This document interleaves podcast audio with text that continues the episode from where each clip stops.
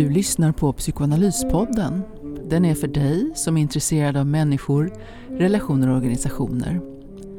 Jag heter Anna Krantz och arbetar bland annat som psykolog, psykoanalytiker och organisationskonsult.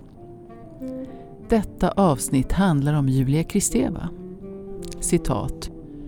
Julia Kristeva ödelägger alltid den sista fastslagna sanningen, den vi trodde skulle ge oss tröst, den vi kunde vara stolta över. Vad hon ruckar på är illusionen att allt redan har sagts. Det vill säga, hon upphäver tecknets tyngd. Med andra ord, enfalden. Vad hon undergräver är auktoriteten. Den monologiska vetenskapens auktoritet. Dess ursprung. Hennes arbete är helt nydanande, exakt. Inte genom vetenskaplig puritanism utan därför att det så precis fyller den rymd hon arbetar med. Därigenom tvingar hon alla som ställer sig tvivlande att avslöja sig själva som motståndare eller censorer, skriver Roland Barthes i en tidskrift från 1970. Och nu dagens Freud-citat. En människa bör inte sträva efter att eliminera sina komplex utan snarare efter att komma överens med dem. De styr på ett legitimt vis hennes varande i den här världen. Okej, nu sitter vi här igen i din, på din mottagning Björn Salberg. Vi pratade sist om Lacan och idag så ska vi prata om Julia Kristeva. Och med oss har vi idag Signe Särk som är kandidat i Svenska psykoanalytiska föreningen. Du är legitimerad psykolog på HBTQ-hälsan på samtalsmottagningen och har också privat mottagning. Och Björn, du är ju psykoanalytiker och jobbar privat på din mottagning heltid. Och eh, med oss har vi eh, som vanligt Pelle Lind som är producent för eh, den här psykoanalyspodden. Eh, så jättespännande att prata om Julia Kristeva. Eh, och min första fråga till er är hur ni kom att intressera er för Julia Kristeva, Signe? Ja, men jag, tror, jag har stött på henne lite här och var sådär, men inte så fördjupat. Men sen, alltså jag har ett litteraturintresse och där är ju hon ändå en ganska liksom, viktig figur. Um, så att det är någonting med det här att jag ja, på senare tid har liksom fastnat för både hennes Alltså hur hon tänker kring språket, det poetiska språket. Eh, men också i liksom, relation till psykoanalysen. Eh, så det var någonting att det liksom förenar mina intressen, psykoanalys och litteratur, typ. Eh, så. Men sen tycker jag att hon, ja, hon skriver mycket spännande, men det kan vi komma in på. Det kommer men, ni att komma in på. Ja, all, all. Men ingången så. Just det. Ja. ja. Och Björn? Jag tror jag blev väldigt intresserad av henne när jag läste henne redan på psykologutbildningen. Jag skrev en uppsats om symboliseringsförmåga och språk. Och då tror jag nästan läste henne första gången, men väldigt tagen av det här med poetiska språket, semiotiska kåran och det symboliska. Och, eh, ja. Sen var det ganska många år jag inte läste henne, men så jag hade tanken att jag ville komma tillbaka till och läsa henne. Så jag gjorde, började det för kanske två år sedan och sånt där. Sen har jag läst väldigt mycket. I, de, de här sista, jag har läst henne väldigt mycket nu och varit väldigt fascinerad av mm. hur bra hon är tycker jag. Mm. Och hur kom ni på att ni bägge två var intresserade av Kristeva? Ja, eh, jag vet inte riktigt. Men, nej, men jag tror vi hade haft någon dialog om eh, skrivande och litteratur och eh, Sen var det någonting med...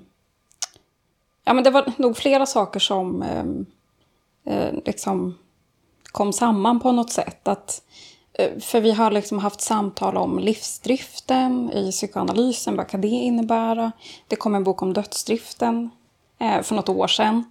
Eh, och då började vi också prata om, okej, okay, men det här med liksom, det talande subjektet eller livsdriften och ja, men någon rörelse som eh, människa eller som subjekt.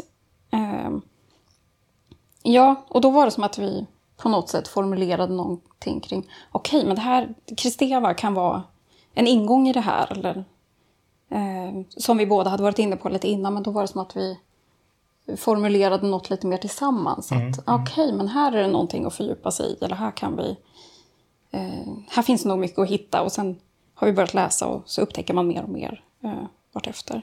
Mm. Men, fick, ja. ja. men fick en idé efter den här, dels höll ju Kristeva det här inledningstalet på IPA-konferensen i London 2019. Och så dels blev hon ju aktuell där på något vis också som men sen, sen tror jag att Signe och jag pratade om det just utifrån den där boken som kom, Dödsdriften. Okej, okay, men vi kanske vill skriva någonting om livsdriften istället. Och då tycker jag Kristeva, en sån, hennes driftsbegrepp ligger så mycket åt det hållet. Så att säga. Både på något vis en, kanske en feminin drift i någon mening, annars för Freud kanske dödsdrift, eller driftsperspektivet för Freud är så väldigt manligt på många sätt. Men hon har en lite annan infallsvinkel och som jag tycker det handlar mycket om livsdriften på ett sätt för henne. Ja. Mm. Och i det här London, eh, alltså den eh, konferensen då, så handlade det om femininitet. Och det var det som hon pratade om på något sätt. Sen förstod jag kanske inte så mycket där och då vad hon egentligen sa, men det har jag försökt förstå lite mer i efterhand. Mm. Mm. Och det, det, är ju också, eh, hon är ju dokumenterat svår att eh, förstå. Eh, som jag har, jag, jag, jag har med mig den här boken, jag köpte den 95, för den kom ut i pocket. Och jag tänkte, men jag har ju läst Kristeva, så titta här, hur många sidor hade jag läst egentligen? Det var inte jättemånga sidor, sen, sen gav jag upp. Men ni har, liksom, ni har hållit i då och, och fortsatt läsa henne och försöka förstå eh, hennes texter och sådär. Och sen har hon en liksom enormt bred produktion som vi kommer att komma in på sen. Mm. Att hon, hon, hon är ju oerhört, hon har en enorm bredd i, i sitt tänkande, i sitt utforskande av, av människan och världen på något sätt. Mm. Eh, Okej, okay, jag tänkte att vi skulle gå över då till att börja prata om människan Julia Kristeva. Eh, vad vet vi om hennes liv? Hon föddes 1941 i Bulgarien och mot slutet av 1965 då flyttade hon till Paris. Hon hade fått något stipendium för hon hade blivit... Alltså hon höll egentligen på med alltså språkstudier, lingvistik eh, och genom det så fick hon ett stipendium där hon kunde vara verksam i eh, Frankrike. Eh, så då kom hon dit och då var det nog inte tanken att hon skulle bli kvar där egentligen utan hon eh, men hon trivdes så bra och hon hade både ett ekonomiskt stöd och hon lärde känna olika personer som gjorde att hon kände att ja, men här vill jag fortsätta verka. Så hon har ju varit bosatt i eh, Paris egentligen sedan dess. Och hon lever ju fortfarande. Hon är ju då, vad blir det, 81. Så, men som sagt, hon var ju där på den här eh, konferensen i London till exempel för tre år sedan. Så att hon är ju eh, ja, verksam. För hon kommer ju från lingvistiken. Man kanske också bara ja. säga att hon lärde sig franska ganska tidigt för att hon gick... Eller hur Precis. Var det? Jo, men hon gick i någon eh, alltså, fransk förskola. Mm. eller franskspråkig förskola. Och sen också tror jag i grundskolan någon... Eh, så det, hon hade ändå med sig språket, även om det mm. inte... Mm. Ja, det är inte hennes modersmål.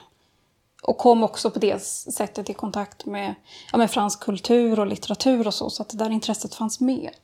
Eh, så hon hade en viss förkunskap när hon också kom till Frankrike då. Mm.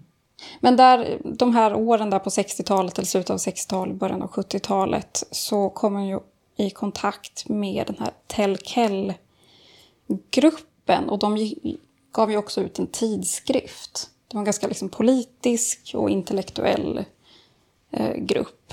Och där träffade hon också Philippe Soler som sen blev hennes man. Han är författare. Men hon kom ju också i kontakt med, nu ska vi se, det var ju, alltså, det, vad ska man säga, i den här gruppen så fanns det också ett intresse för psykoanalys. Alltså de, de var ju kanske mer filosofer eh, själva, men det fanns ett intresse för psykoanalys. Eh, och de läste Freud, tror jag, och även närmade sig Lacan. Hon träffade ju Lacan då också. Ja. Hon blev nog väldigt väl mottagande. Det lät, ja. låter som att hon på något sätt kom in och det var de här tankarna kring språket och de ryska formalisterna, tror jag det heter, alltså de mm. blev, var, var, hon kom helt rätt liksom. Hon blev väldigt uppskattad och tror jag fick både vänner och plats och gehör och kunde också ganska snart skriva och liksom, alltså hon gjorde en snabb karriär så att hon ändå blev känd och blev uppskattad och fick en tillhörighet där tror jag. Så att, väldigt snabbt, det är förvånansvärt att komma på det sättet.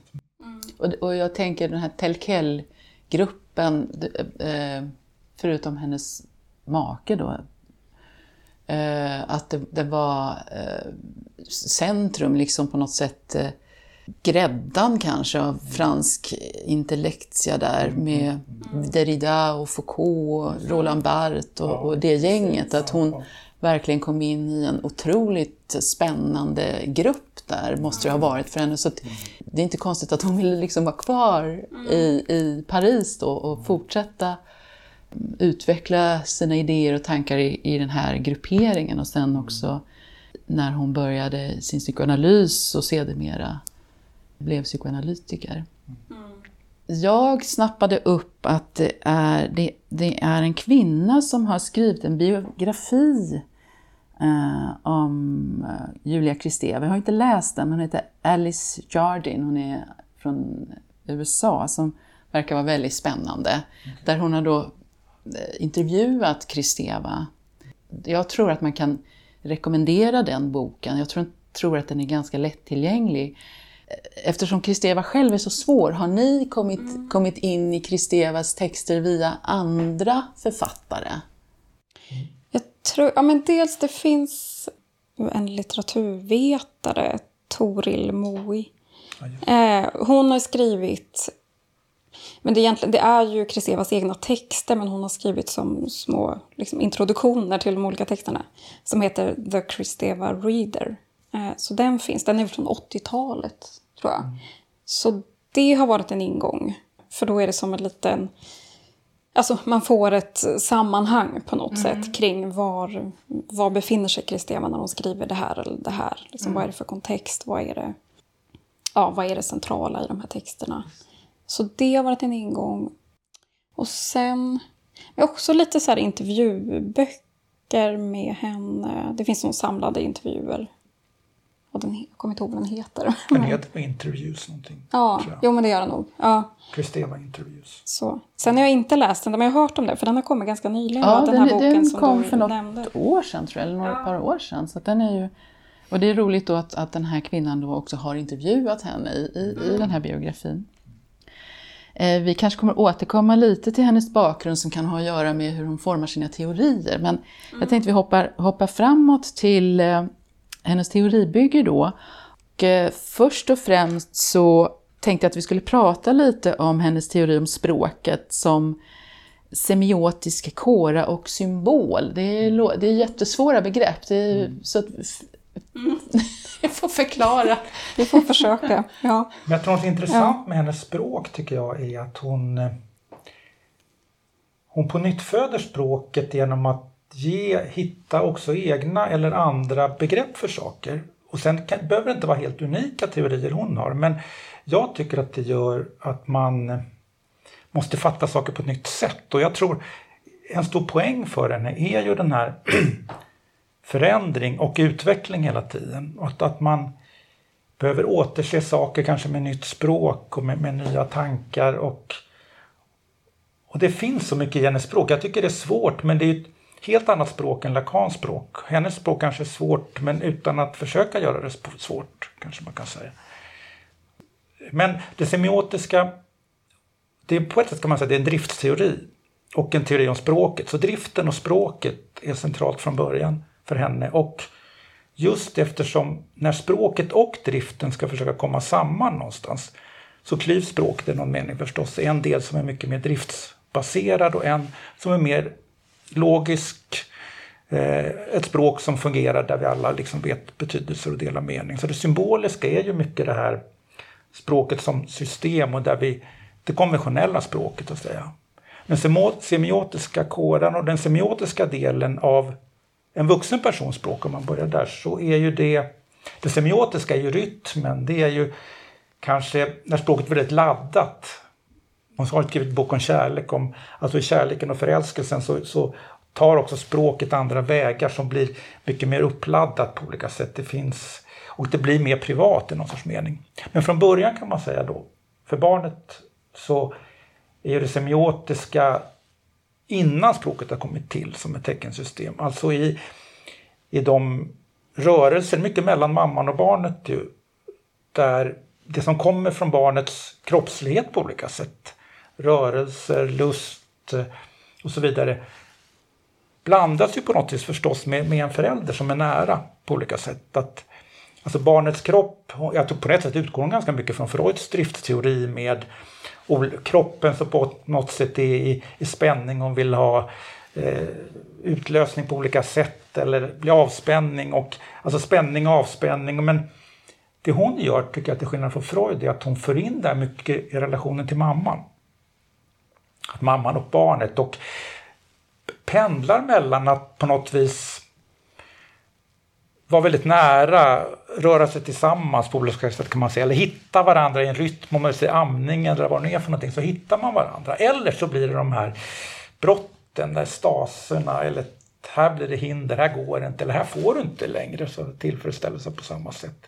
Så att de menar att den semiotiska kåran är någonting som både flyter på och sen har sina stockningar, hinder så att säga. I rytmen egentligen. I rytmen mellan mamma och barn men också rytmen i barnet.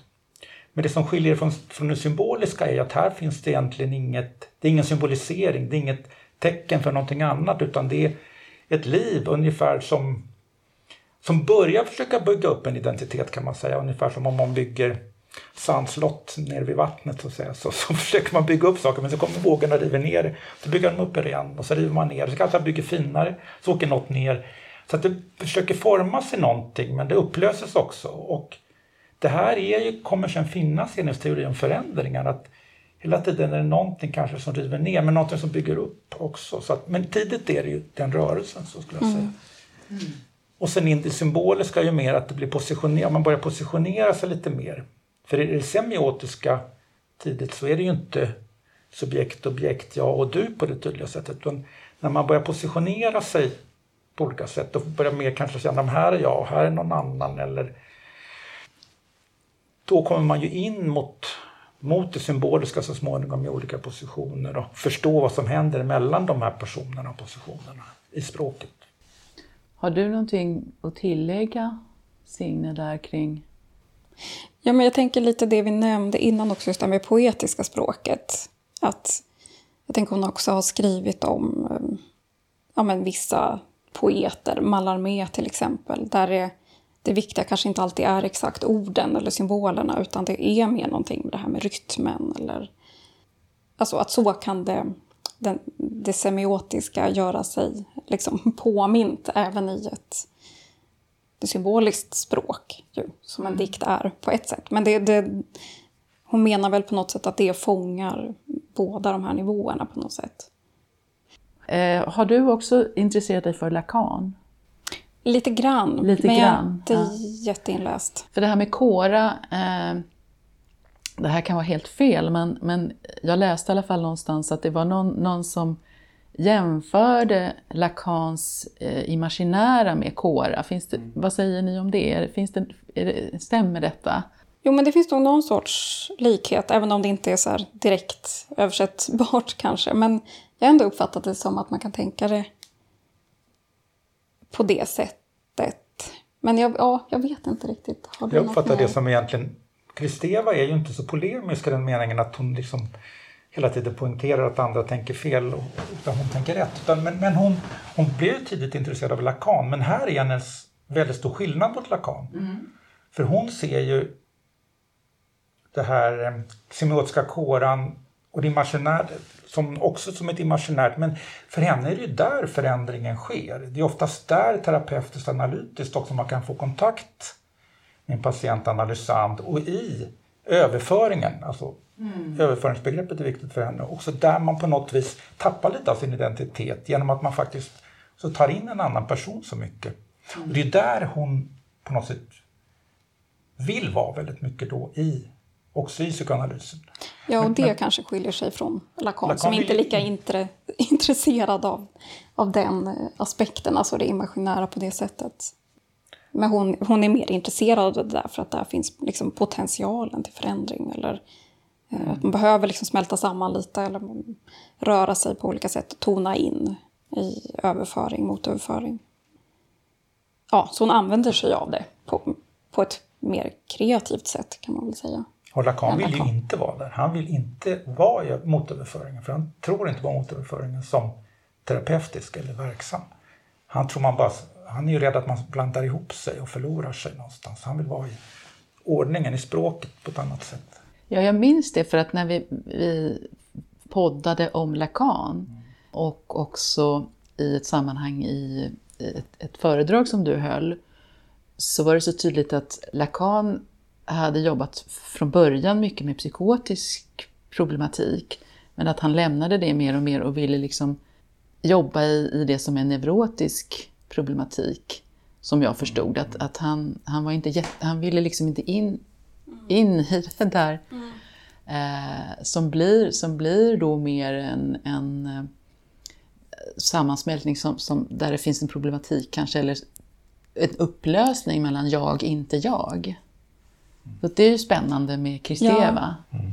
Men verkligen. Och där tänker jag också lite som hennes ingång till psykoanalysen var alltså att hon kom från språket och där liksom inom lingvistiken där man då i alla fall tidigare haft kanske mer en syn på att det är, liksom, det är tecken, det är symboler, det är liksom de här systemen. Men man tog inte så mycket hänsyn till drift eller något omedvetet. Så, så det var ju det hon ville. Hon tyckte att det inte räckte på något sätt. Mm. och då intresserade hon sig också för de här, vad ska man säga, när, ja, men när språket, det symboliska språket då inte riktigt räcker till, som psykos. Mm. Eller också det här ja, men mer preverbala, liksom innan barnet mm.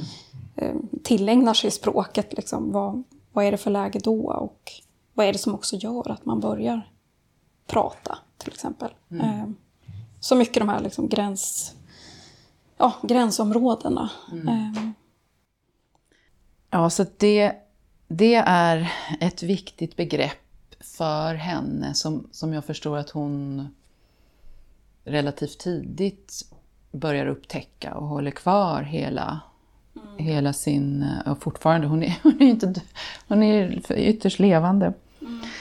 Mm. Um, så om vi tittar på lite andra begrepp som eh, hon också, hon har liksom en, en, en sorts stor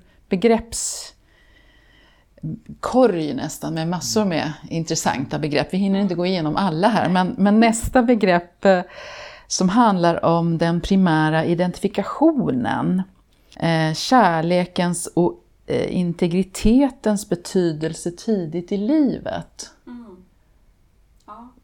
Vad tänker ni om, om ja. det här begreppet? Ja, ja, men det här är ett sånt där begrepp som man stöter på och sen som bara växer och blir större och större. Det innehåller väldigt mycket. Men det man kan säga är att hon, hon plockar upp det här med primär identifikation från Freud egentligen. Han skriver om det i Jaget och detet. Och då är det den primära identifikationen med fadern i den individuella förhistorien. Och jaha, vad betyder det? Liksom? Han skriver det lite mer Eh, liksom, i en bisats ungefär och fördjupar sig kanske inte jättemycket där och då. Eh, men hon plockar upp det här och gör ganska mycket med det. Och det hon beskriver är ju att det är en slags, ja, det är en primär identifikation så det är ju något väldigt, väldigt tidigt. Och det är något slags liksom, omedelbart eller direkt i den här identifikationen. Ehm, och det är egentligen innan det är ja, jag är ett jag och du är du, att vi är subjekt eller objekt i den meningen. Men det hon menar är att genom den primära identifikationen så kan det också börja skapas någon slags tredimensionalitet. Och identifikationen kanske inte riktigt är alltså varken en direkt identifikation med fadern eller modern. Utan det är mer den här formen, eller man ska säga, en slags modell för eh, ja, hur man kan vara en egen men ändå i kontakt med andra på något sätt. Mm. Att det finns, apropå integritet, att det finns också något eget utrymme där jag inte är exakt som den ena eller den andra. Och hon kopplar ihop det ganska mycket med, med språket också. Att finns det en lyssnande och en älskande andre, en pappa eller någon utanför, ja men då finns det också en mening med att börja prata eller att börja formulera sig som människa på något sätt. Även om det här är jättetidigt och man inte har de här åtskillnaderna mellan kön eller mellan olika eh, subjekt eller så. Ja, vad mer kan man säga? Det kan ju låta som att hon, just som du sa, att det inte, att, de, att jag som redan är ut, urskild identifierar mig med en annan person utan att jag på något vis nästan blir, faller in, får del i, om man tar talet som exempel då, en vuxen som ändå kärleksfullt pratar till dig eller att du på något vis bara tar upp språket och börjar mm. själv prata. Att du på något vis, Precis. Att, att, att, du blir på något vis medtalet i någon mening för, för att ja. du bejakar någonting som når dig. Och... Ja, och att det är en första liksom, introduktion eller inkorporation av just språket. Att man liksom smakar på språket i någon mening. Även om man inte förstår någonting av orden eller så. Men det är ändå ett sätt att börja göra någonting lite till sitt eget men samtidigt så är det ju i en närkontakt med en förälder då till exempel. Som, ja, det är väldigt nära. Men jag tänker att det också är någonting viktigt i det här med att det är, det är liksom början till tre. Det här det, det är ju inte Oidipus-konflikten eller komplexet ännu. Det är något tidigare så det är inte det är liksom ingen rivalitetssituation egentligen, utan det är mer det här att det öppnar upp för att börja bli till som subjekt på något sätt. Men ja, att de säger ju i eh, också där att det på något vis, det här med fadern eh, Freud skriver ju också en fotnot, ja föräldrarna kanske skriver han, det kanske inte bara är fadern, men mm. hon refererar också till att det på ett sätt kan man se det som hur barnet uppfattar också mötet med mamman väldigt spontant. Att uppfatta barnet att mamman också har rum för pappan, för sig själv kanske och för barnet. Alltså, det är skillnad att möta en person väldigt nära där det känns som att kanske den här personen, jag är den enda personen för den här hela livet. Eller, och det tror jag, jag tror faktiskt man känner det ganska intuitivt även som vuxen med andra människor. att finns det, Dels är den andra personen intresserad men finns det också rum för andra i det här mötet? Mm. Eller är det liksom bara jag? Mm. Eh, extrem förälskelse kan ju vara så, då är det bara liksom en person som existerar. Men för ett barn också som växer upp i familj så är det viktigt att känna kanske att det finns flera rum i familjen. Att det finns pappan, mamman har varsina rum, inte att de inte bokstavligt, men att det finns rum för flera och mig också. Och kanske mamman själv har ett, på något sätt ett eget liv också. Att allt hänger inte bara på mig. Liksom, någonstans. Så att I den här primära identifikationen så börjar det kanske skapas möjligheter för olika rum. Mm. Mm. Jo men precis. Och det behöver väl kanske inte just vara en mamma och en pappa utan just Nej. att det finns... Ja, man, man, får vara olika på något sätt. Det mm. finns eh, olika riktningar eller laddningar eller... Ja, ja och någonting eget. Mm.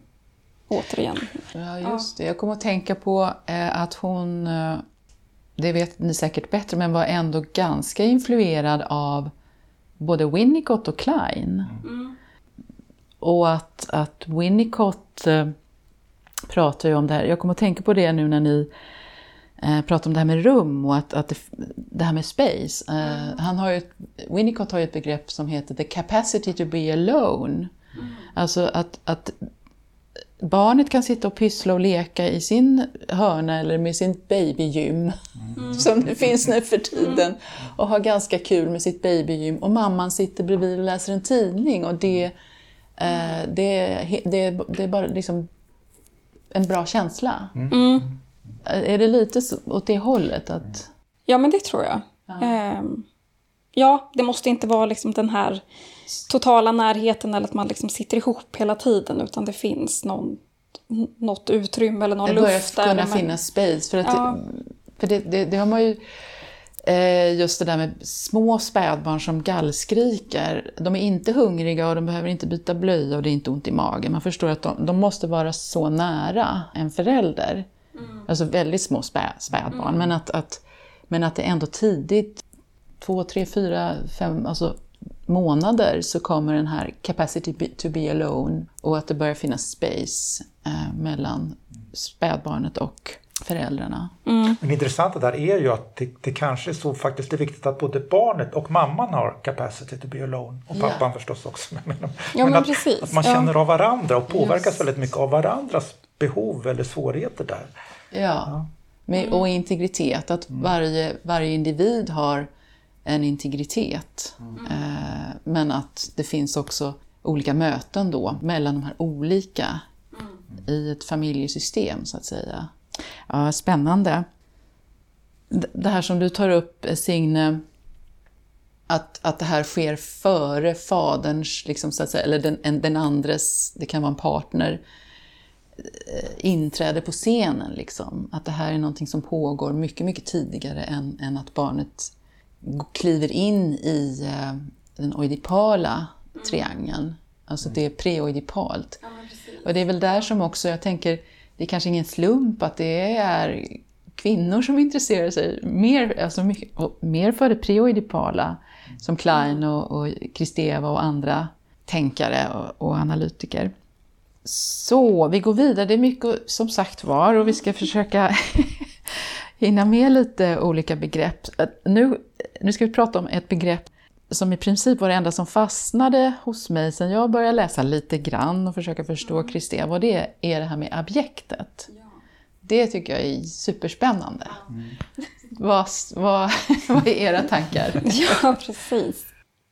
Hon har ju skrivit en text som, heter, som handlar om det, som heter Varken subjekt eller objekt, men objekt.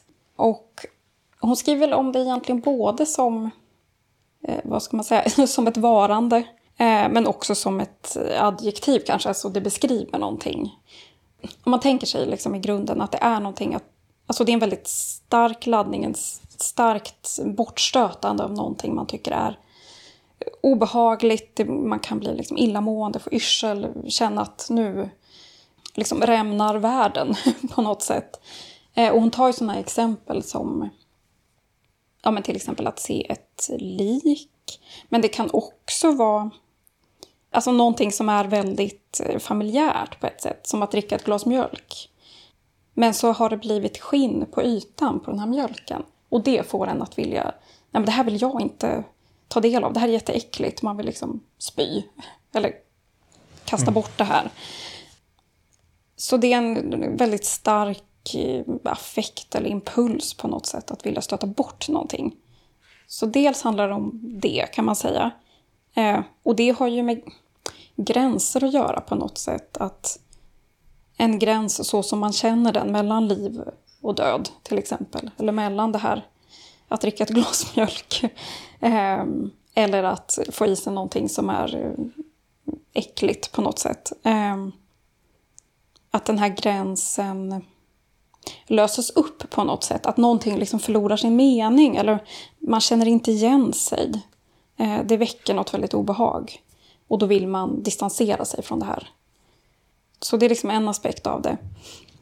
Men sen finns det det här som också har att göra lite med det vi pratade om just med primär identifikation. Att det är också som ett första sätt att bli en egen, någon annan. Att man, nej, jag, in, jag vill inte ha det här. Bort. Jag är en annan, jag är en egen, jag är inte du. Alltså som till exempel då barnet i relation till sitt primära objekt. Att nej, jag vill jag vill bort från det här innan man liksom egentligen ens är ett eget subjekt på något sätt. Så det är som ett första steg också att separera ut sig eller skilja ut sig från en dyad eller ja, något symbiotiskt nästan. Ja, det finns så mycket ja. man kan säga om det. Men, men jag tänkte, ja. någonstans skriver hon ju där att... Eh, men jag, tror då, det, jag tänkte som du också att det finns en aspekt som är mer allmänmänsklig i det här med objektet. Att mm. En första sätt att separera, eller bort mm. med dig liksom härifrån. Här är jag, eller jag vill mm. inte ha det här, du är för nära. Men sen finns också det andra där det blir mer, kanske ett allvarligt problem i livet. Hon skriver någonstans mm. att ett barn som inte har, har vad var det, svalt, är det kärlek eller någonting, men svalt ett tomrum istället. Eller liksom fått kontakten kanske med den tidiga mm. föräldern har skapat ett tomrum istället för en riktig person här inne. Det har inte blivit ett objekt. Det har blivit någonting bara, bara bortstötande. Bara, Precis, för att det eh, kanske är för påträngande. Att föräldrarna kommer med alla sina gåvor då i någon mening. Ät det här, gör det här. Var, alltså också väldigt tidigt. Men bara ta emot allt det här och så till slut måste barnet bara värja sig från det här som blir mer ett intrång. Men det är inte då så mycket av att börja utveckla sig själv Nej. som ett subjekt på något sätt. Utan det är mer en slags överlevnadsstrategi för att inte bli typ totalt uppslukad av det här. Men, men att, ja, förlåt. men att det är lite mer en icke-identitet eller ett icke-jag. Men det är i alla fall inte att vara sammansmält med eh, föräldrarna då, till exempel. Så säger hon något, hur sjutton var det där? Att hon, hon säger att de personer som är väldigt öppna av objektet, de och då tänkte jag på flera analysanders personer som väldigt mycket söker sin plats. Eller hur? Och istället Precis, för att ja. söka Istället för att fråga vem jag är, mm. så, så var, var, är jag? Men, men får jag liksom något... Precis, det handlar mer om ett sätt att försöka liksom positionera sig någonstans ja, eller försöka orientera sig i tillvaron. Och beskriver någonstans att objektet är den som är liksom ja, men lite grann så bara utkastad i tillvaron och irrar omkring. Hittar försöker hitta någon plats men det finns ju inte så mycket strukturer heller att hålla fast vid. Så Nej. man letar och letar vidare på något sätt. Medans ja, en annan som kanske inte är lika liksom, präglad av det, av objektet på det sättet är, ja men mer ställer sig frågorna kring, ja men vem är jag, vad tycker jag om, vad, mm. vad vill jag göra, vad vill jag inte göra. Um, så, För då, har man ju, ja. då pratar man från en position. Vad vill jag göra? Men om man liksom inte vet var... Man är ju inte riktigt ett jag. Nej.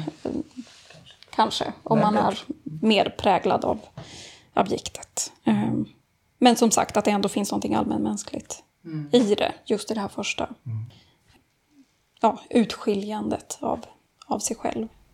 Och då, då, eh, i och med att det här är en preoidipal process så, mm. eh, så blir det en separation, individuation innan barnet går in i en oidipal triangel på något vis mm. och vänster och att, att det är liksom ett senare steg eh, mm. i barnets utveckling. Um, men jag tänkte på det här som, alltså som förälder, alltså man tänker sig en del föräldrar som är, är, inte har respekt för barnets integritet är för påträngande mm. och inte särskilt lyhörda och, och är för på helt enkelt. Mm. Eh, det är ju liksom ett dike. Det andra diket är ju då att inte vara där. Eh, mm. Att, att överge spädbarnet mer eller mindre. Om man, om man tänker på de två olika mm. vägarna, hur kommer objektet in i för det här, det här liksom för påträngande, eh, det är ju en sak. Men det här med föräldrar som är eh, som, som, som liksom emotionellt överger eller till och med också fysiskt överger. Hur, mm. hur, hur ska man tänka kring det och objektet så att säga? Det blir ju inget rum i något av fallen. Hon skriver faktiskt uttryckligen att båda de här erfarenheterna kan ju leda till att man blir, får väldigt mycket objektsprägel på sitt liv. Alltså att, för i första fallet tränger ju någon in, tar över mitt rum eller min plats. Det är klart man irrar sen. Var ska jag hitta någonting eget på något sätt? Men det andra är att det fanns ingen där från början tillräckligt. Då byggs det inte heller upp något rum. Liksom för, mm. Då kommer man också irra att söka söka någonting som ändå skulle kunna vara något som laddar någonting så mycket att det kan, faktiskt kan bli någonting av ett eget liv och en mm. egen uppladdning av min person. Ja, för då kanske det mer blir det här tomrummet mm. på något sätt. Mm. Att det, liksom, vad kan man identifiera sig med? Ja, det är ett tomrum eller en frånvaro, men det är inte något som är så fyllt av liksom någon, någon kärleksfull som vill lyssna eller ta in ens olika känslor eller behov. Utan, ja, det är liksom bara en frånvaro på något sätt. Hon har, hon har någon teori om eh, varför det finns så mycket eh, det som kallas för slasherfilmer. Varför det finns en sån besatthet av hos eh, oss människor och framförallt kanske, jag vet inte, tonåringar, men att, att titta på slasher-movies. Har ni någon, någon tanke kring det? Jag tror att hon, hon, hon har berört det i någon text, men jag har inte läst den själv. Jag har bara liksom hört att hon har försökt tänka kring det här fenomenet. Jag har inte läst heller så, så noga om det, men jag tror att det ändå har med det här med objektet att göra på något sätt. Att det både finns en slags dragning mot det här när det... En sorts fascination ja, av det. Precis. Och, mm. Men att samtidigt i den, alltså för det väcker ju väldigt starka känslor av att man blir skrämd eller äcklad eller... Eh, men också fascinerad på något sätt. Och det kan väl på något sätt vara någon... Och, och särskilt om man tänker då tonåren, då, man håller på jättemycket med identitet. Liksom, vem är jag och hur ska man liksom positionera sig på olika sätt. Men då kan man, jag tror att hon någonstans menar att, att man genom det där kan, liksom, genom väldigt starka känslor ändå liksom, nej men jag är inte så där, jag är inte så där äcklig eller jag är inte så. Alltså, det blir liksom en extra skjuts på något sätt i att ta avstånd från något eh, och då känna att ja, men det här, jag är inte så, men jag är minsann så här. Eller, mm. eh, jag tror det, men jag, ja. nu gissar jag lite här vad, vad hon tänker om det. Ja, jag kan tänka mig också, att jag är inte helt säker heller här faktiskt, men att det här är ju ändå att tydliggöra någonting. En film är ju en ett tydliggörande, en sorts gestaltning av någonting som faktiskt kan kännas väldigt skrämmande i mig. Så att det ändå tydliggör någonting och jag kan placera det där i mm. filmen. Mm. Men under tonåren som är också en frigörelsetid och som är sexuell uppladdning så, så det här så kan man tänka sig att objektet aktiveras, det här nej, liksom, också något mm. annat. Alltså det är också identitetens yttersta gräns liksom, mm. som, som ändå... Men det, det, det är ju rätt intressant om man, om man kopplar det lite till, till olika trotsåldersfenomen. Att mm. man tänker sig att, att den första, det är inget så här, trotsålder, men det här lilla, lilla barnet som spottar ut någonting. Mm. Och sen eh, trotsåldern där det är mer kanske två, treårsåldern när man, barnet säger nej till allting. Mm. eh, för att har upptäckt ordet nej och tycker det är helt fascinerande mm. och, och så.